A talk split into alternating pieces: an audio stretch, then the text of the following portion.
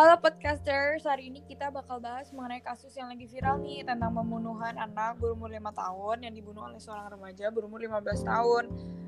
Nah, hari ini kita udah kedatangan tamu dari polisi yang menangani kasus ini dan juga psikolog. Langsung aja ya perkenalan. Halo, saya Putri. Saya polisi yang menginvestigasi kasus ini. Halo, saya Flavia. Saya di sini sebagai psikolog yang meneliti kasus ini. Nah, langsung aja ke pertanyaan-pertanyaannya ya. Soalnya udah pada penasaran. Jadi kronologinya gi- awalnya gimana sih Kak Putri? Jadi awalnya tuh Kamis 5 Maret 2020 ada remaja berinisial NF umurnya 15 tahun. Dia membunuh seorang anak berusia 5 tahun yang merupakan tetangganya.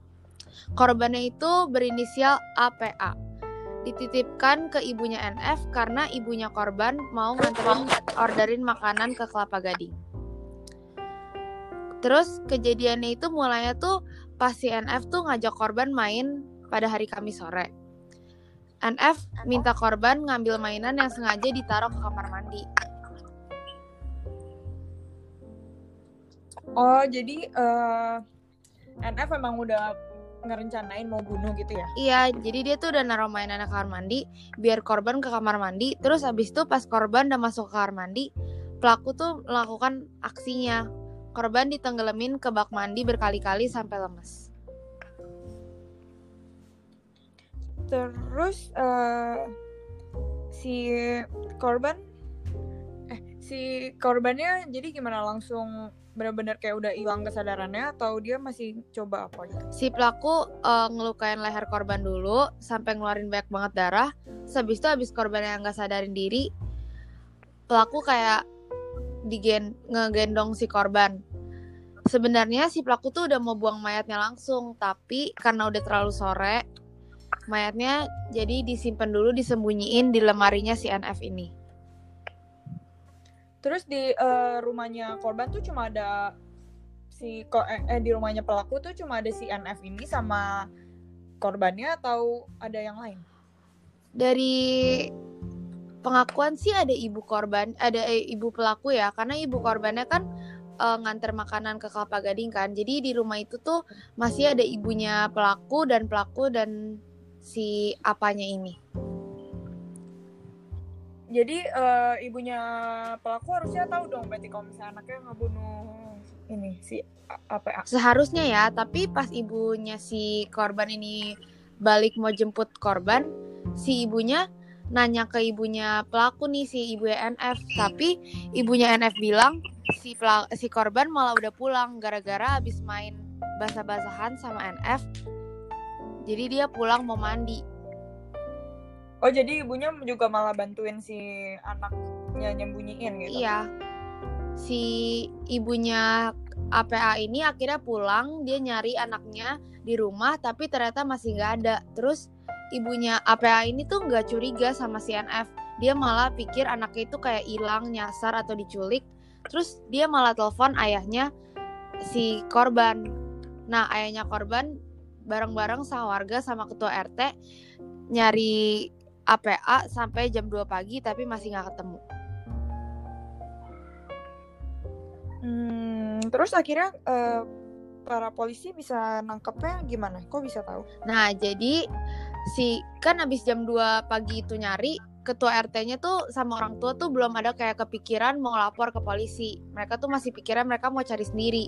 Nah, besok paginya eh, orang tua sama warga nyari si pelakunya ini berangkat ke sekolah seperti biasa, tapi di tengah jalan si pelakunya tuh kayak balik dia langsung pergi ke kantor polisi. Nah, kebetulan waktu itu saya yang jaga. Dia bilang katanya dia ngaku dia eh, membunuh anak lima tahun. Kita langsung ke lokasi di sawah besar ya waktu itu dan kita menggeledah rumahnya dan benar ternyata eh, mayat ditemukan di dalam lemari korban. Eh di dalam lemari pelaku. Tapi kok kayak gitu eh, pelakunya bakal dikenain hukuman atau gimana ya? Soalnya kan itu juga dibawa masih di bawah umur. Nah, itu masih di eh, investigasi sampai sekarang. Kita masih eh, mengecek kejiwaan korban apakah dia positif psikopat atau bukan. Soalnya Oh, baik. setelah kita eh, menggeledah rumahnya dan mencari-cari barang bukti, si korban ini ternyata eh, suka nonton film-film horor seperti Chucky dan si korban ini ngaku kalau misalnya dia tuh terinspirasi dari film Chucky buat melakukan pembunuhan ini. Oh, oh berarti eh, sampai sekarang kasusnya masih diselidikin ya? Iya, kita juga masih eh, memeriksa empat saksi terjait- terkait kejadian ini, termasuk keluarga korban dan pelaku. Kita juga udah be- eh, nyita beberapa kayak barang bukti berupa coretan kayak curahan hatinya si NF ini, sama eh, buku tulis dan papan yang isinya eh, quotes-quotes kayak berbau mistis gitu. Oh, baik baik. Oke, sekarang coba kita tanya menurut pandangan psikolog dulu ya. Eh, Kak Fafia, menurut Kak Fafia gimana nih pengaruh orang tua dan pandangan psikologi terhadap peristiwa ini? Uh, nah, karena tuh uh, untuk di Indonesia sendiri kasus ini tuh masih belum ada. Um, uh, di sini saya tuh mau uh, karena tuh orang-orang di sekitar sini tuh udah ngecek anak psikopat nih anak psikopat padahal tuh kita kita nggak bisa langsung ngecap itu sebagai psikopat. Nah jadi tuh di sini um, saya dan tim yang lain belum bisa um, uh, si pelaku sebagai psikopat karena pelaku tuh masih di bawah umur gitu. Jadi uh, kenapa kita belum bisa kasih cap si pelaku sebagai uh, psikopat karena masih ada kemungkinan E- NF untuk berkembang karena pada dasarnya pembentukan kepribadian biasanya dimulai dari bayi hingga berumur 18 tahun. Orang tua itu tentunya berpengaruh dalam kehidupan pribadi yang dimiliki oleh NF, karena sejak lahir hingga bertumbuh, pengaruh terbesar seorang anak berasal dari orang tua. Pengaruh didikan orang tua juga dapat membuat seorang anak menjadi seorang psikopat tentunya. Eh, seorang peneliti bernama Gulhagen meneliti bahwa sebagian besar psikopat yang ia teliti pernah mengalami pola asuh yang ekstrim di mana orang-orang di sekitarnya mengontrol seorang psikopat sedemikian rupa atau tidak peduli sama sekali. Jadi ketika seorang mengalami kekerasan sejak dini atau eh, tidak dapat kasih sayang yang lebih, em, dia tuh akan mengembangin kepribadian anak yang untuk menjadi kasar. Menurut menurut saya pribadi sih pengaruh orang tua dapat dilihat dari cara perilaku anak. Kita bisa lihat di sini yang pertama NF tuh punya kucing yang pada saat NF kesal ia dapat menyiksa kucingnya hingga sehingga ini menunjukkan ada rasanya amarah yang terpendam dan NF ini sendiri um, bukan pribadi yang kasar menurut tetangga-tetangganya NF ini merupakan pribadi yang pendiam. Jadi ini bisa disimpulkan bahwa NF ini masuk ke dalam uh, orang-orang yang memendam rasa amarahnya. Gitu. Oh, jadi eh, menurut Kak Fafia eh, gimana cara kayak eh, kita misalnya orang tua biar bisa ngelindungin anaknya kayak misalnya gimana cara ngawasinnya atau gimana gitu.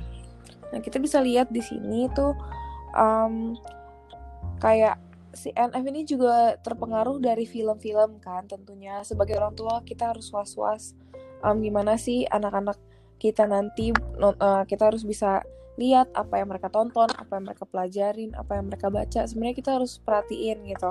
Walaupun kita nggak bisa um, 24 jam take control karena anak-anak juga butuh sekolah. Kita nggak bisa 24 jam ada di sebelah anak itu. Tapi kita tuh setidaknya harus kita, beri komunikasi yang baik. Karena tuh di sini uh, bisa dibilang orang tuanya tuh uh, lalai dalam mengurus anak. Karena um, seorang NF yang masih di bawah umur tuh udah bisa nonton film-film psikopat seperti Chucky ataupun film-film lainnya gitu yang seharusnya mereka nggak tonton Kak Flavia, ya si NF ini masih bisa disembuhin gak ya?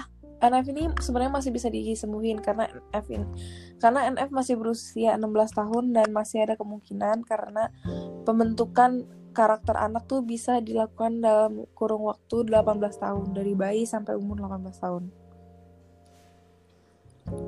Oh ya pokoknya jadi intinya eh, apa eh, pengawasan orang tua ke anak yang masih umurnya di bawah di bawah umur tuh masih penting Ya, banget ya penting buat banget apa, pastinya. kondisi. Oh iya udah. Oke sampai situ aja. Makasih Kak Putri, Kak Favia udah mau diundang ke podcast ini ya. Semoga para penonton pendengar bisa enjoy juga dan mendapatkan eh, mendapatkan pelajaran baru dan ya sampai sini aja. Terima kasih dan sampai bertemu di podcast selanjutnya. Dadah. Terima kasih.